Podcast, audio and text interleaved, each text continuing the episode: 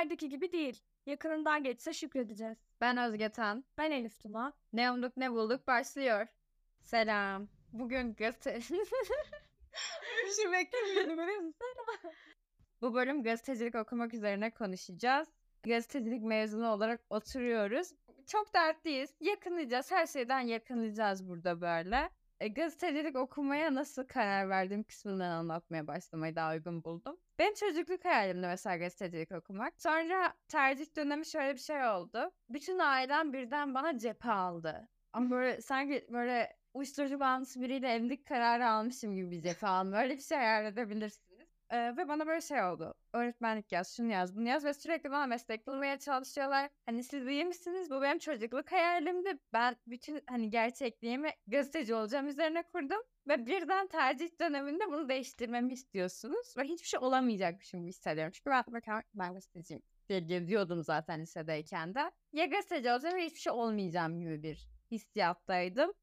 Ailemin perspektifinden de olaylar şöyleydi. Olmamamı istemeleri için iki temel neden vardı. Birincisi gazetecileri işte bu ülkede dövüyorlar, öldürüyorlar, gazeteci mi olunur? Ki kendilerince haklılar. İkincisi gazetecilik açlıktır, sürünmedir, hani serseriliktir, işsizliktir, pişmanlıktır. sürünür çünkü Türkiye'de. Gazeteler sürülür hani ve böyle Hakları korunmaz, maaşlarını alamazlar vesaire vesaire. Bu liste uzayıp gidiyor. Kesinlikle öyle. Yani ve bunu bilmek için mesela gazetecilik okumak da gerekmiyor. Bunu işte benim annem babam da farkındaydı. Benden daha fazla farkındalardı tuhaf bir şekilde. Ben böyle aşırı inat ettim. Bir de böyle 17-18 yaşında şey aşırı kararlılığı, gereksiz özgüveni, İnat. hepsi şeyim böyle. Ben olmazsam kimse gazeteci olamaz falan böyle büyük büyük sözler de ben kendimi çok geliştireceğim üniversitede tabii ki olacağım bilmem ne. En son tabii ki bu inadı ben kazandım. Girip gazetecilik okudum. Ama o da şöyle oldu. Mesela hiç tanıtım günlerine gitmedim. Hiç araştırmadım. Direkt şeydi. En yüksek gazetecilik nerede kardeşim? İstanbul Üniversitesi'nde. İstanbul Üniversitesi'ne yazdım. İstanbul Üniversitesi'ne gittim. Ta ta ta ta. Burada şey demek istiyorum. Göster tepeyi dikmişsin. Azmilerinden de hiçbir şey kurtulmadığı için zirve. O zirve. Acaba zirve mi yaşıyorum? İşte oraya geleceğiz ama yani en, en iyi gazeteciliğin en iyi olduğu üniversite Evet. İstanbul Üniversitesi'nde kazandım özellikle. Ondan sonra bende şeyler başladı. Babam hani artık geri döndüremiyor ya şey demeye falan başladı. Kendini mi teselli ediyor, beni mi teselli ediyor emin değilim. Gazetecilik okusan da gazeteci olmak zorunda değilsin. Ben Kanada çalışabilirsin üniversite mezunusun sonuçta falan diyor. Kendine teskin seni de teselli ediyor. Ben, ben de şey bankada çalışmak istesem niye gazetecilik okuyayım ben? Ve böyle onlar kabullenemiyor ben kabullenemiyorum karşılıklı bir şey oluyor. İlk başta aslında bölmek istemedim ama aynı şekilde. Yani şöyle gazetecilik okumak benim de hayalim ve hedefimdi. Bunun üzerine de mücadele verdim öyle söyleyeyim ailemle ve arkadaşlarım, çevrem vesaire. İlki zaten senin de anlattığın gibi benimki de aynı benzer bir hikaye. Ailemle olan mücadelem. Orada sürekli olarak başka bir bölüm okumama gazeteciliği hobi olarak yapabileceğim söylemi dayatıldı bana. Tabii ki asla kabul etmedim ve yani çok kararlıydım. Farklı üniversitelerde işte eee şeyde hani birlikte gittik ve rehberlik danışma şeklinde lisede de hani götürdüler bak işte bu bölüm çok parlak bir bölüm değil şeklinde anlattılar. Ondan sonra mezunların çoğunun işsiz olduğunu. Çünkü bu gerçekten doğru bu arada. Çünkü çok fazla Türkiye'de iletişim fakültesi var Kesinlikle. ve kontenjanları çok yüksek olduğu için her yıl yüz binlerce belki mezun veriyor. Yani sayı bilmiyorum net istatistik olarak ama yüzlerce mezun veriyor. O yüzden e, medya sektörü de Türkiye özelinde konuşuyorum. E, çok kendi içinde kapalı ve bu kadar mezunu istihdam edebilecek düzeyde değil. Onun belki onda birini mi de istihdam edebilecek düzeyde değil. Zaten şey, e, bunun üzerine bir haber de okumuştum. Çok net hatırlamamakla beraber her üniversitenin gazetecilik mezunu vardı işte. Mezunlarından 15 kişiden 3'ü sadece sektörde istihdam edilmiş. Yani zaten gazetecilik okuyan yüz binlerce kişinin hiçbir büyük çoğunluğu öyle söyleyeyim kendi mesleğini yapmıyor. O yüzden gazeteciliği hobi olarak yap bunun temeline dayanıyor. Yani bu temelle bana bu söyleniyor. C'yle baktığımızda evet böyle ama bu benim kararımı tabii ki değiştirmeme sebep olmadı. Ben de senin gibi büyük bir hırs ve inatla aklıma koyduğumu yaptım ve bütün tercihimizden gazetecilik Benim de aynısıydı. Benim de aynısıydı. Hepsi full medya böyle baştan aşağı. Bir tane bile e, fakülte dışı tercih yapmadım. Benim de benzerdi ya. Ben bir de şimdi biraz şeye kaymak istiyorum. Girdikten sonrası. Şimdi mesela bütün aileni karşına almışsın. Ee, başlıyorsun. Mücadele verdim. Evet. Kayda bir gittim. Gittiğim fakülte benim lisemden küçük bir yer. Ben buranın inşallah kantini vardır bir yerinde falan diye düşünüyorum. O kadar küçük geldi bana.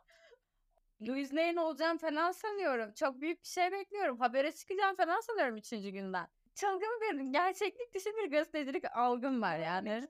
Aslında şey e, gazetecilik algılarımız benzermiş o dönemki. Ya farklı yıllarda gittik biz seninle ama Evet. girişimiz farklı ama algılarımız kesinlikle hatta aynıymış öyle söyleyeyim. Ve ben Türkiye özelinde düşünmezsek bunun çok ütopik bir şey olduğunu düşünüyorum. Ama Türkiye özelinde şu an ama Türkiye gerçekten topik olduğunu bence söylemek ya Yani Türkiye'ye indirgersek gazeteciliği evet Türkiye'de bu düşünce çok ütopik ama e, yani uluslararası basına baktığımızda Evet. efsaneleri okuduk yani hepimiz az çok ve çok makul bir şey de olabiliyor bazı yerlerde. işte yani benim gerçekliğim daha çok şöyle oldu. Tamamen beton bir bahçe. Otomat kahvesi bağımlılığı. Sabah 9'da başlayan dersler. İstanbul'un bir ucundan yaklaşık 2 saatlik iş trafiğinde bir yol gelmek. Sınıfa bir giriyorsun 100 kişi. Yüzse yine. Benim dönemim 100'dü galiba burada. Galiba bizden sonra daha çok mu oldu? Benim dönemimde 250'yi net hatırlıyorum. Şaka yapıyorsun. Evet. Yani gerçekten. Herkes alsaydık arkadaşlar keşke yoldan geç. Ya bu tabii içinde şey de vardır. E, alttan ders alan kişiler vesaire de vardır. Ama e, senin şu ana kadar anlattıklarından yani hayaller hayatlar diyebilir miyiz? Kesinlikle. Bence hatta direkt ne olduk? Ne bulduk diyebiliriz yani çok şey olarak. Benim için de bu arada aynısı geçerliydi. Kayda gelmeden önce ben şuna ufak geçmek istiyorum. Sen demiştin ya e, ben gazeteci olmazsam hiç kimse olamaz. Evet evet. Özgüven patlaması ve işte Aşırı iddialı. aynen iddiam vardı diye. Bende o şöyle tezahür etti. Benim arkadaşlarım ya o dönemki lisede, lise son sınıfta geçiyor bu. Benden gazeteci olmayacağımı iddia ediyorlardı. Tabii ne oldu? Ya bu beni yıldırdı mı asla daha büyük bir hırsla istediğim bölümü, istediğim okulu kazanamayacağımı, benim bu meslekte başarılı olamayacağımı yani tamamen meslek zaten yok ama full bir köstek olma durumu vardı. Bana çok zorbalık gibi geldi bu arada direkt. Yani bunu böyle anlatınca evet öyle geliyor ama farklı kişilerden farklı zamanlarda duymuş şeyler orası. Kayda geldiğimde ben de senin gibi bir hüsran yaşadım. Orayı biraz içimizde tuttuk o hüsranı biraz. Çünkü biraz da şey gibi ya hani herkes zaten karşına almışsa şikayet edersen şey olacak. Kendi düşen ağlamaz olacak. Evet. Bunu çok içinde yaşıyorsun böyle ilk Aynen başta. karşı belirtime yansıtma ben de Bir de ben mesela şey hatırlıyorum ilk ödev hazırladığım zamanı. Böyle bir hoca bizden bir ödev istedi ve 5 sayfa falan bir yazı yazdı. Ve ilk ödevim ve benim lisede şöyle bir olayım vardı. İşte bütün okul benim kalemimin iyi olduğuna inanıyordu. Edebiyat hocalarım falan o yüzden böyle işte Sabahattin Edebiyat Okulu'dur, işte yazarlık atölyesidir falan böyle farklı projelere beni gönderiyorlardı. Arada yayınlanan birkaç ufak yazım oldu bir yerlerde. Sen fakülteye girmeden zaten aslında yazmaya başlamıştın. Aynen ve ben hep şey sanıyorum. Şimdi ben bu ödevi teslim edeceğim. Anladın mı? Hani görecekler ve buranın da böyle star olacağım şey olacağım. Aa, falan hani kırmızı halılar şey yani bir keşfedilme bekliyorsun aslında orada yani. Hani, Tabii doğal olarak var ama ilet gerçeklerine. ama yani Biliyorum. lise 100 kişi. Anladın mı? Fakülte çok kalabalık. Keşfedilme falan yok. Kimsenin umurunda değilsin. Yaşa kardeşim kendi kirçene Ya aslında şöyle keşfedilme bu mümkün olabilir ama Türkiye'de bu kontenjanlarla bu kadar çok iletişim fakültesiyle mümkün değil. Yani reel olarak baktığımızda imkansız şu anki koşullar. E buna el vermiyor. Ama keşfedilme arzunu ve o işte heyecanını çok iyi anlıyorum. Çünkü ben de öyle bir hayalle geldim. Ama tabii sonra gerçekten hayallerin önüne geçti. Bizim belki orada şansımız şey oldu. Hani ben onun e, bir tık mesela bu keşfedilmeyi karşıladığını düşünüyorum. Mesela bizim uygulama birimleri var ve orada çok kısıtlı bir öğrenci var. Zaten 5-10 kişi var her uygulama biriminde. İşte radyo televizyonun ayrı stüdyosu var, gazeteciliğin ayrı gazetesi var. Halkla ilişkilerin ufak bir ajansı vardı vesaire gibi. Oraya girdiğinde hani 100 kişiden 5'i onu geldiği için en azından bütün hocaların tanıdığı ve gerçekten bir pratik kazanan biri oluyorsun ve hani o keşfedilmeyi kendin dolaylı yoldan sağlıyorsun gibi. Burada katılıyorum uygulama bilimleri gerçekten hani, o anlamda yani şu anki sistemle bizim okulların e, iletişim fakültelerinin bu kadar devlet üniversitesinde teorik eğitim vermesi bence çok büyük bir dezavantaj. Ama uygulama bilimleri bunu bir nebze de olsa Hı. tolere edebiliyor. Yani biz o, o şekilde bu durumdan biraz daha sıyrılabiliyoruz. Hem keşfedilme hem de pratik konusunda deneyim kazanıyoruz. Ben öyle yorumluyorum. Senin gibi aynı şekilde. Ee, orada şöyle bir anekdot paylaşacağım. Uygulama bilimleri e, gerçekten az sayıda kişi oluyor. Yani sınıfta 100-200 kişi varken uygulama bilimlerinde kısmi zamanlı olarak çalışan e, maksimum zaten 5 ya da 10 kişidir diye hatırlıyorum. Gönüllü olarak da çok fazla kişi olmuyor. Yani o mezun olduk mesela bakıyorum her yıl uygulama bilimlerine işte bir 20 gönüllü geliyorsa dönem sonuna kadar 1, 2, 1 ve 2 aynen 1, 2 maksimum 3 kişi kalıyordu. Yani totale baktığımızda toplam bir uygulama, uygulama biriminde 15 kişiyi aşmıyordur. Ki stüdyoyu ele alacak olursam en maksimum stüdyoda zaten. Verimlilik olarak da. kısmi zamanlı öğrenci vardı. Ya o da şeyden muhtemelen. Mesela öğrenme olarak düşünüyorum. Çünkü benim mesela ben e, ne haber yazmayı ne fotoğraf çekmeyi gazetede öğrenmedim. Yani gazete uygulama biriminde. Hatta şöyle oldu. İlk böyle bir derse girdik haber yazmayla ilgili dersimize.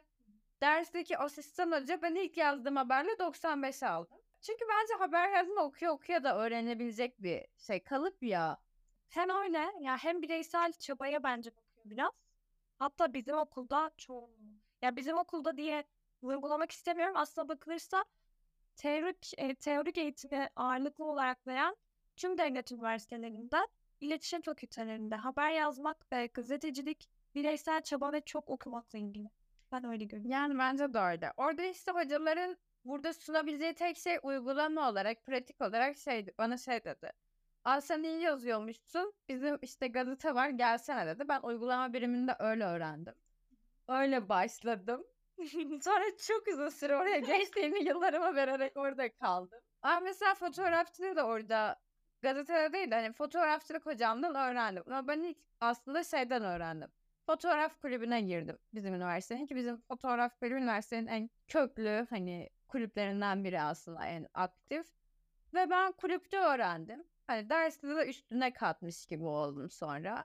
Ajanstakilere fotoğraf çekmeyi öğreten yine bendim. O ajans bana çok bir şey kattı ve hani pratik yapma ve portfolyo oluşturma olarak belki katmış olabilir.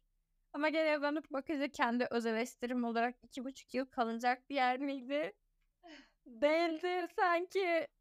Oraya ayrıca geleceğim. Ben uygulama bilimleri arasında ya zaten en çok vakit geçirdiğim, en çok emek verip en çok geri dönüş aldığım benimki stüdyoydu. Ya iletimde başladım bu arada. Bu arada söylediklerinden hoşuma gitti. Ben bunu bilmiyordum yani senden duymamıştım. E, hocanın teşvik etmesi çok güzelmiş bence. Ya en azından tamamıyla seni kendi çabana bırakmamışlar. Ha evet. O dönemki o asistan hocanın inisiyatifi birazcık bence şeydi. Bence o çok güzelmiş çünkü ben e, ilkokula girdiğimde şeyi duymuştum. Uygulama birimlerinin nerede olduğunu bilmeden okuldan mezun olan çok, Çok, sayıda Kesinlikle. çok sayıda öğrenci varmış bizim okulda. Ben bunu birinci sınıfta duyduğumda ben şok olmuştum. Çünkü ben kayda geldim. e, o bir tık işte ne olduk ne bulduk falan oldum. Onu yaşadım. Ondan sonra oryantasyona geldiğimde hemen o gün işte ne nerede falan uygulama birimleri varmış öğrendim. İşte kısmi zamanlı çalışma söz konusuymuş falan. Tamam ben habere çıkacağım kafaya koydum. Tabii bizim eee, müthiş bir de geliyor. Ben biraz tahmin edebiliyorum ne geleceğini burada. Bizim müthiş hayallerimiz gerçeklerle örtüşmediği için eee, ben habere ciddi anlamda habercilik yapmak istiyordum ve öyle zannediyordum. Yani gazeteci olacağım ya, orada da okulda da okulun, üniversitenin uygulama biriminde gazetecilik yapacağım. Dışarıdan haber toplayacağım, sahaya ineceğim diye düşünüyordum. Bu arada burada benim bu kadar büyük düşünmemin sebebi tamamıyla Ankara Üniversitesi'nde işlerin böyle olması. Daha önce ben araştırmıştım zaten. Hani iletişim fakültelerinde ne yapılıyor, uygulama birimleri vesaire işte gazete, televizyon hepsinde oluyor illaki. Benim dönemimde Hı. en iyisi Ankara Üniversitesi'ydi. Sıralama ve puan olarak kastediyorum. İkincisi de zaten İstanbul Üniversitesi'ydi. Yani ikisi de aynı ayarda ve aynı düzeyde olarak gördüğüm için ben zaten istatistikler de onu gösteriyordu. Ben aynı şekilde burada da dışarıda sahada habercilik yapacağımı düşünüyordum. Tabii ki böyle olmadı. Bu da ikinci hayal kırıklığını yarattı bende. Ben yani okulun gazetesine girdikten sonra gönüllü olarak ilk kez habere çıkacağımı öğrendiğimde aşırı mutlu ve heyecanlıydım böyle. İşte not defterim, fotoğraf makinesi, işte hazırım gidelim falan. O moddayım ve burada burada asıl nokta geliyor. Nereye gideceğiz? Sorusunu sorduğumda habere nereye gidiyoruz dediğimde konferans salonu cevabı alınca Üst kat. evet Biz merdiven çıkıyoruz. Çılgın bir haber. şey hiç beklemiyordum. Nasıl yani falan oldu. Ben o zaman gerçeklerle yüzleştim ve nasıl üst kata mı gidiyoruz falan diye böyle bir tepki verdim. Evet dediler. Hani haberin ne- nerede yapacağımızı zannediyordun ki ben dedim ki sahaya inmeyecek miyiz? Ne olduk ne bulduk bir kez daha ve biz üst kata habere çıktık.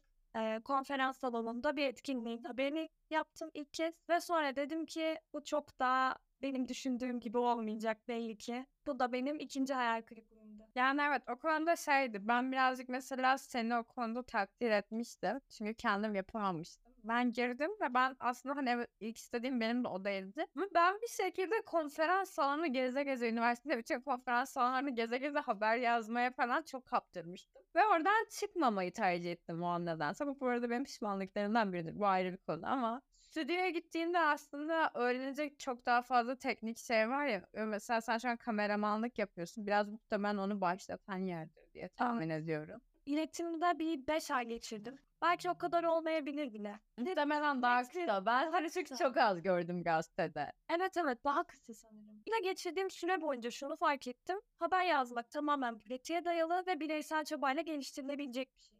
Ama benim durmama sebebim şu. Ben fark ettim ki yani bir yerden maksimum alınabilecek ne varsa alıp sonra yoluma bakmayı. Ben hayatta her zaman bunu yani hedefliyorum. Çünkü evet her şeyi öğrendim. Tamam. Baktım geliştirebileceğim bir şey var mı?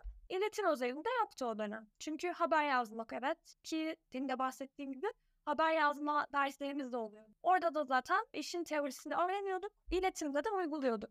Yani orada ben kısmi zamanlı olarak çalışmayı da düşünmedim açıkçası. Çünkü benim için pek de heyecan verici değildi. Yani o üniversitenin içinde evet tamam etkinlik haberleri, işte konferans salonları buralardaydık ama ben dışarı çıkmak istiyordum. Yani çünkü o saha başka bir şey ve ben hala aynı fikirdeyim. Ben saha insanıyım. Yani kapalı kapılar, ondan sonra stüdyo ortamı, ya da işte konferans salonlarında etkinlik haberleri beni açıkçası pek heyecanlandırmıyordu. Ve ben öylelikle orada yapacak bir şey olmadığını, öğrenecek bir şey kalmadığı düşüncesiyle eğitimden çıktım. Yani ben biraz da şey düşünüyorum bu arada. Gazetecilik okumak aslında bize böyle kötü yanını anlatıyor gibi anlattık ama Yani dezavantajlardan başladık evet. Ama şey oldu hani ikimizin de hayali olan bir şey olduğu için ben biraz da şey diye düşünüyorum hani biz bu kadar idealist noktadan başlayıp şimdi böyle yerlere geldik ya bu konuda böyle kafasında ufak bir soru işareti tereddütü olan insanların açıkçası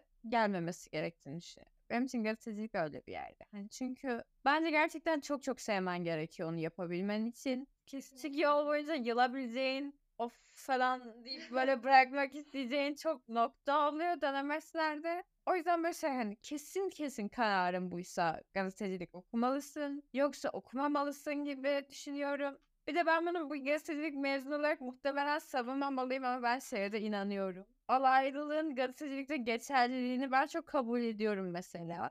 Ama evet aynı noktadayız. Tam tersini bir an. Yo. Ben alaylılık konusunda gerçekten bilmiyorum. Yani şöyle bence eğitim evet her insan için de hangi bölüm, fakülte fark etmeksizin. Yani eğitim tabii ki çok önemli bir şey. Ama bizim fakülte üzerinde düşünürsek gazetecilik, işte radyo, televizyon, halkla ilişkiler bunlar tamamıyla alaylılıkla daha üst seviyeye çıkarılabilecek bir şey. Yani ben öyle görüyorum.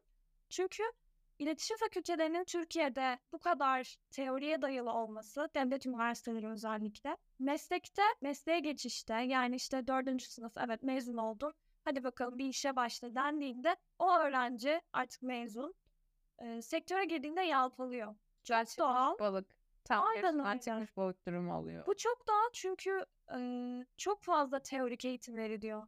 Yani okulumuzdaki hocalar da öyle. Devlet üniversitelerindeki iletişim fakültelerinde ders veren akademisyenler de öyle. Kendileri e, gazetecilik yapmış kişiler değiller genellikle. Olanlar da yıllar önce yapmış ve uzun yıllardır akademisyen olarak kariyerine devam eden insanlar. O yüzden pratik konusunda bize çok katkı sağlayamıyorlar. Ve bu da bize dezavantaj olarak geri dönüyor. Çünkü mezun olduğunda kişi haber yazmayı belki biliyordur ama işte ne tam anlamıyla iyi bir haber yazabiliyor ne bir işte çekim yapabiliyor kameraman olarak. Yani pratik konusu çok önemli sektörde ve devlet üniversitelerinin teorik eğitimi sektörde mezunlara çok büyük Dezavantaj. Ben mesela şey düşünüyorum. Hani benim fotoğrafçılık ve benzeri birkaç dersinde gerçekten uygulamalı gibiydi. Ama bu istisnai bir durumdu ve derslerin çoğunluğu projeksiyon dersiydi. Yani sürekli slide izliyordum. Bu işin gerçeği. Ve ben artık şey olmuştum. Ben mesela yüksek lisansa sinema televizyonda girmemin sebeplerinden biri de o oldu. Gazetecilikten birazcık hani akademik kısmını sevmediğimi fark ettim. Sahasını seviyorum gazeteciliğin ama çünkü 4 yıl boyunca 5N 1K dinlememe gerek var mıydı? Bence yoktu. Lisedeyken de öğrendiğim bir şey zaten ve hani tamam maymuna da anlatsan anlar da artık. Hani dördüncü sınıfım hala farklı bir derste bir yerden ya 5N 1K hortluyor falan.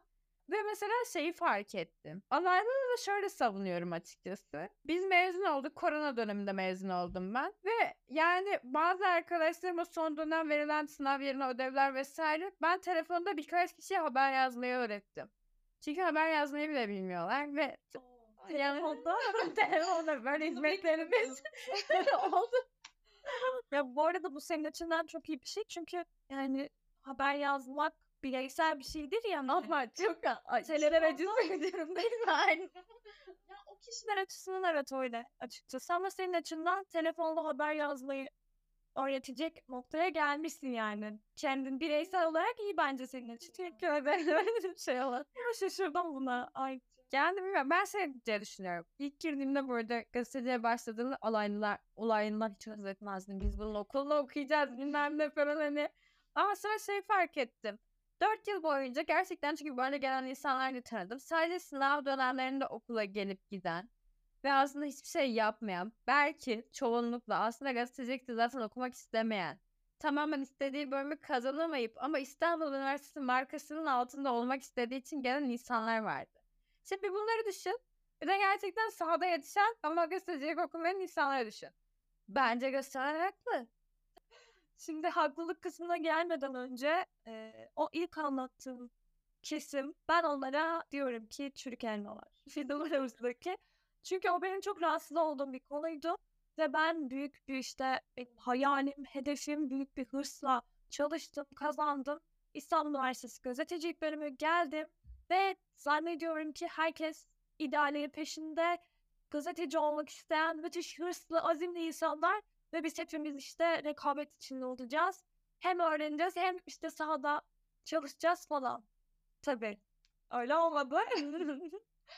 Bu da benim üçüncü Ne umduk ne ne bulduk bulduk hikayem. Çünkü gördüm ki böyle bir şey yok. Bu benim kendi düşüncem, kendi içgörüm. Asla realde böyle bir şey mümkün değil. Gazetecilik bölümü ve iletişim fakültesi benim bulunduğum dönem, başladığım dönem için insanlar açısından şeydi yani. Orası İstanbul Üniversitesi ve senin de söz ettiğin gibi o marka adı altında diploma almak istediği için. Evet, sırf diploma almak istediği için o bölüm fakülte hakkında hiçbir fikri olmayan yani onlarca insanla okudum.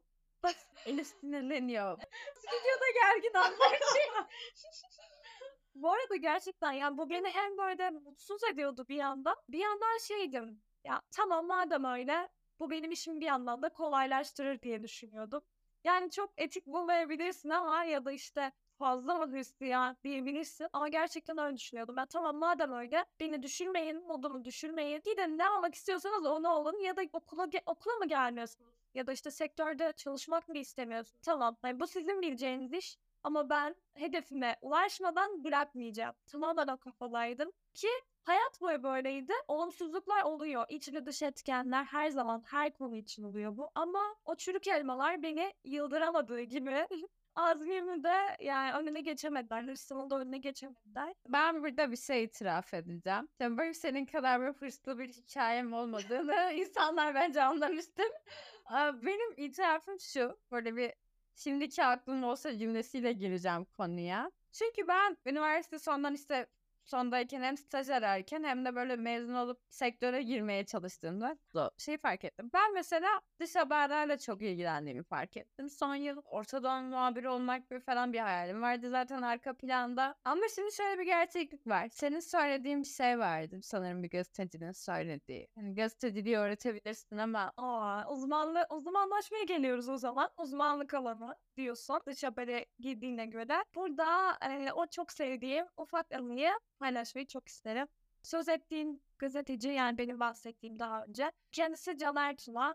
Şu anda hem akademisyen hem de zaten yıllarını mesleği yıllarını vermiş. Çok iyi bir çatışma, savaş muhabiri ve çatışma haberciliği konusunda bence üstad. Yani ben öyle görüyorum. Ve idolümdür kendisi. Hala da öyle. O zaman da öyleydi. Şimdi de öyle. E, orada kastettiği şey benim için çok kıymetli ve ben de aynı şekilde düşünüyorum. E, siyasal mesela o, o öyle bir örnek vermişti. Siyasal bilimlerden mezun bir kişi gelse ve dış haberci ya da çatışma haberciliği için işte e, öğrenmek ve yetiştirmemizi istese bu benim birkaç ayım olur. Ama bir iletişim fakültesi öğrencisine dış haber için yetiştirmem mümkün değil. Yani 3 ay gibi bir sürede şeklinde o minvalde bir konuşma geçmişti. Ve bence bu çok doğru. Ya o zaman biraz tert gelmişti bana. bence de çok doğru burada. Çok doğru. O zaman biraz ağır gelmişti açıkçası. Çünkü şey hani ben 4 yıl boyunca bu bölümü okuyacağım. Ve nasıl yani? Ben de mesela pişmanlığım o işte itiraf edeceğim. Ben yani gerçekten gazeteci olmak için gazetecilik okumam gerektiğini dü- düşünüyordum. Çok katı bir şekilde.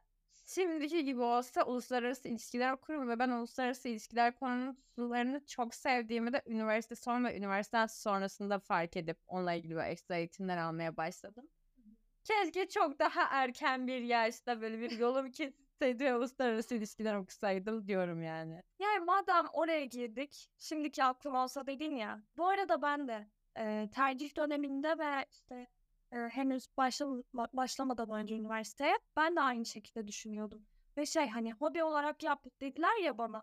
Taktım kafaya. Hayır abi ben gazetecilik okuyayım. Başka bir bölüm okuyabilir miydim? Evet. Yani puanım gayet yeterliydi. Sıralamam çok iyi. Tamam. Ama e, biraz hırstan, biraz da işte attım hafızaya yani. Abi sen bana ne dedin? Hobi. Bu meslek. Hobi olarak yapmayacağım ben bunu diye taktım. İletişim fakültesi. Kendimi böyle şartladım. Ve tercih listem de zaten öyleydi. Gazetecilik ve radyo televizyon. Başka hiçbir şey yok. Hani halkla ilişkiler bile yoktu benimkinde öyle söyleyeyim. Ama şu an şimdiki aklım olsa ben de direkt gazetecilik okumam. Çünkü Can da bahsettiği olay çok doğru. Ve uzmanlaşmaya geldiğimizde sektörde çok net anlıyoruz o farkı. Yani gerçekten siyasaldan mezun bir insan ve iletişim fakültesinden mezun bir başka insan aynı ölçüde olmuyor. Yani tamamıyla o bireysel okumaya kalıyor iş. Biz 4 yıl teorik bir eğitimden geçip sonra pratik uygulamayı öğrenmek için sektörde tekrar çabalıyoruz. Ama o kişi siyasalda zaten ayrıca bir 4 yıllık bir eğitimden geçiyor ve sektörde birkaç ayda kolayca daha iyi bir gazeteci bile olabiliyor. Bu da tamamen kişiden kişiye değişir. Bence de ama kişiden kişiye değişir. Değişir ama örnekleri var yani bunun. Biraz acı Ama gerçek ve şu an şimdiki aklım olsa ben de gazeteciliği direkt okumak yerine farklı bir bölüm tercih ederdim. Ya ben biraz şey düşünüyorum. İlber Ortaylı'nın bir kitabında şey diye bir sözü vardı. İşte o elitistliği böyle aslında şey yanlış anlaşılmış bir şey olarak görüyor ve şey diyor. Aslında herkes elitist olması gerekiyor çünkü hiçbir ülkenin yetenekli çocuklarını harcama lüksü yoktur diyor. Yani dediğin aslında o belirli insanları ayıklayıp onlar üzerinden bir yere gelmeye çalışmak falan gibi yorumluyor. Ve şey diye düşünüyorum. Hani biz eğer seçilmiş üniversitelerde okuyan ve hani belli bir level'daki insanlarsak bizim de girdiğimizde ya üniversite kötüydü anlamında demiyorum. Ama çok daha fazla şey sunulmalıydı. Sektör de bize çok daha fazla şey sunmalıydı. Ve bizim daha fazla pratik şansımız da olmalıydı ve daha kaliteli bir gazetecilik yapabileceğimiz bir şeyle karşılaşmalıydık bence. Hani sektör için de söylüyorum bunu. Burada şunu eklemek istiyorum. Ee, bu arada şey elitistlik nasıl yorumlandığına bağlı sanırım. Çünkü kimileri İlber Ortaylı'yı elitist olmakla itham ediyor ama onun açıkladığı şekliyle bence çok doğru. Yani elitistlik tanımını İlber Ortaylı'nın yaptığı gibi düşündüğümüzde ben de katılıyorum o fikre. Çünkü dediği gibi yani biz belli eğitim seviyesinde belli bir barajı aşıp belli bir sıralamanın üstünde puan yapıp görece ülkenin geneline göre çok iyi bir üniversitede çok iyi bir konumda bir fakültede okuduk. Ama orada tamamen şunu düşünüyorum. Bizim üniversite sınavının fakülte için yani ayrıca bir sınav değil sonuçta bu hepimizin 12 yıllık gördüğü eğitimin totalinde girdiği bir sınav. Çok daha iyi puan alıp işte fakülte ikincisi, birincisi şeklinde gelen arkadaşlar da vardı. Şu an mesela sektörde değiller. Ama baktığımda ben hala sektörün içindeyim. Sınavın genel bir sınav olmasının bizim için dezavantaj olduğunu düşünüyorum ben. Bizim Biraz böyle güzel sanatlar tarzı gibi ayrı bir Aynen. sınavı falan mı oldu? Çünkü şöyle yani baktığında bölüm ikincisi olarak gelen arkadaşım şu anda medya sektöründe değil. Yani çok başarılı bir çocuk yani ondan söz ediyorum. Çok başarılı evet ama aslında hani su akar yolu bulur misali kariyeri başka bir yere evrildi ve halinden de memnun. Yaptığı işinde de gayet başarılı ama sektörde mi değil. Yani başarıyı da nereye odakladığımıza bağlı yani. Kesinlikle bu arada bu doğru. Hala sektördeyim. Vazgeçmedim de. Mutlu muyum diye düşündüğümde de aslına bakarsan mutluyum. Yani o hırs, o inat. Bilmiyorum pişman olmadım büyük ölçüde. Ufak tefek şeyler oldu. Ee, bu arada en başında sen söylemiştin ya çok böyle olumsuz şeyleri anlattık ve Hı. işte tercih yapacak ya da tercihler yeni açıklandı bu arada sonuçlar. Kazanmış olan e, ve bizim okul özelinde değil sadece. İletişim fakültesi okuyacak olan insanların kafasında bir şüphe kalmasın, olmamalı dedin ya. Şüphe ilk etapta bence olmamalı zaten. Ama sonrasında o iç karmaşa yaşanıyor. Çünkü o biraz beklentiyle alakalı. İkimizin de beklentisi yüksek olduğu için biz bu karmaşayı Biraz çakıldık. Evet. Biraz. Farklı dönemlerde ikimiz de bireysel olarak benzer şekilde yaşamışız. Konuştukça da zaten bunu ben daha iyi anladım. Yani ilk başta evet o kararlılık bence de olmalı ve kimse şey yapmamalı. Ya ben bunu kazandım ama ne olacağım acaba diyerek değil de ya ben gazetecilik kazandım ve çok iyi bir gazeteci olmak için elimden gelen her şeyi yapacağım. Yani bu kararlılık ve azim bence olmalı. en Bence de olmak zorunda çünkü Türkiye'de olmak gerçekten çok zor. Yani şey anlamda demiyorum. Gençleri ya da kendimizi, kendime dair suçlamak için değil. Ama sana zaten sunulan çok az şey var. Ve bu seni yıldırma ihtimali çok yüksek. Benim de dönem dönem çok yıldığım oldu. O yüzden ilk başta çok kararlı olman gerekiyor. Evet. Kararlı ve çok hırslı. Ya bir de istikrar çok önemli. Çünkü evet kazandın. Çok da mutlusun, çok istiyordun. Tamam. Buraya kadar bir problem yok. Ama sonrasında erken havlu atmak çok kötü bir şey bence. Ya evet karmaşa yaşanıyor. Böyle bir ya tamam geldim, evet kazandım. Ama bu okul bana bu eğitimi sağlamıyor. Hani o sektördeki o pratiği sağlamıyor sonuç olarak. İletişim fakültesi özel okullar hariç hala öyle. Çünkü müfredatlar eski, güncellenmiyor ve yani 4 yıl boyunca 5 nevi kayı gerçekten görüyoruz. Ve Şaka bu- değil. Şaka değil. Buradan kameraya sıçın. Gerçek bu bireysel bir şey. Sen 2 yıl benden 2 yıl önce girdin. Evet. Ben iki yıl sonra girdim. İkimiz de dört yıllık mezunuz. Hiçbir değişim yok. Müfredat aynı. Notlar aynı. içerik aynı. Bence Evet, o biraz üzücü. Yani. Evet bence üzücü. Ya çünkü şöyle, bu arada dersler kötü ya da hocalar kötü diye değil. Kesinlikle değil. Buradaki mesele şu. Müfredat güncellenebilir. Aynen öyle. Daha Bir yeni şey- medyaya yaklaşık bir şey olabilir. Yani yeni içeriklerle güçlendirilebilir. Ve 4 yıl boyunca böylece haberciliğin, gazeteciliğin, e, medya, medyanın böyle temel şeyi zaten 5 ne 1 kay. Yani bunu hangi bölüm okursan oku 5 ne 1 kay bilmeyen kimse olmamalı zaten. Ama bunu da 4 yıl boyunca görmemiz Gerekmiyordu. kesinlikle. Ya ben de şöyle pişman değilim. Ben şu an sektörde değilim mesela biliyorsun. Yani döner miyim yakın zamanda bilmiyorum.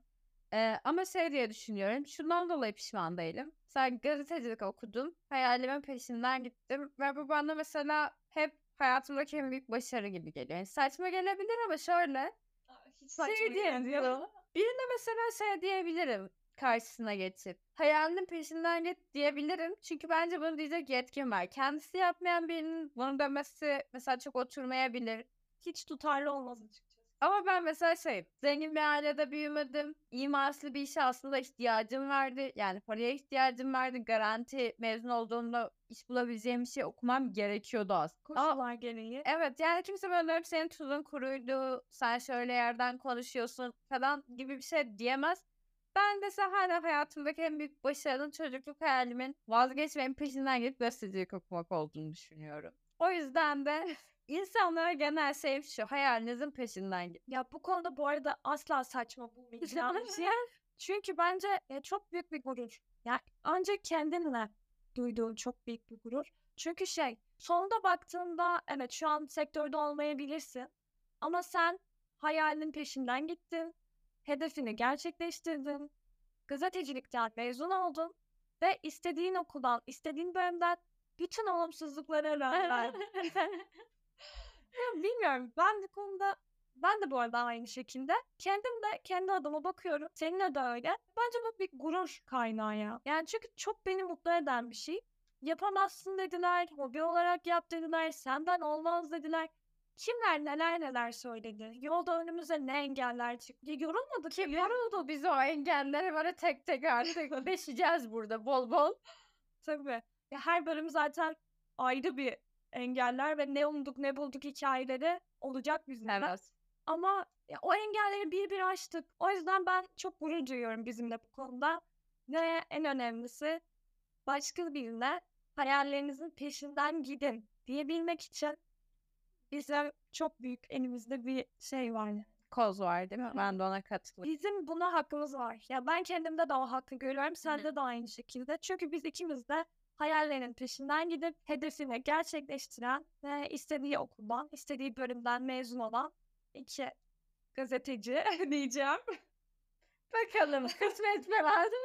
Ya bu arada şey yani gazeteci evet şu an ikimiz de değiliz. Şöyle sen sektörde değilsin. Ben de aslında şu anda baktığımda videograförlük yapıyorum. Ama senin daha yakın. Ama sektördeyim evet. Yani öyle düşündüğümüzde. Sonuç olarak medya iletişim okuduk ve medya sektöründe İletişimle ilgili çalışmaya devam ediyorsun. Mesela ben de medya sektöründe değilim aslında.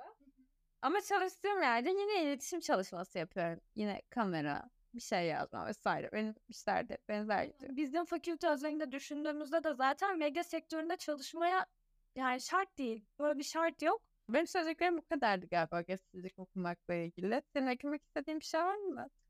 Bence şöyle bitirebiliriz. Medya zorluklarla dolu ve gerçekten içinde barınması zor bir şey. Ama hayallerinizin peşinden gidip bu mesleğe ve bu sektöre gönül verirseniz yapamayacağınız hiçbir şey yok diye düşünüyorum ben. Ve hayali gazetecilik olan herkese bunu söyleyerek bölümü bitirebiliriz diyorum. Bol şans diliyorum ben de. Görüşürüz.